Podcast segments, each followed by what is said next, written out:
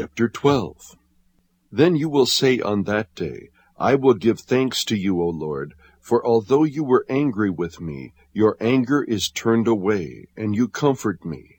Behold, God is my salvation.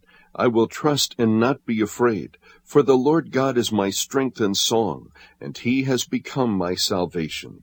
Therefore, you will joyously draw water from the springs of salvation, and in that day you will say, Give thanks to the Lord, call on his name, make known his deeds among the peoples, make them remember that his name is exalted.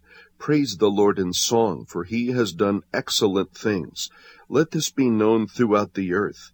Cry aloud and shout for joy, O inhabitant of Zion, for great in your midst is the Holy One of Israel.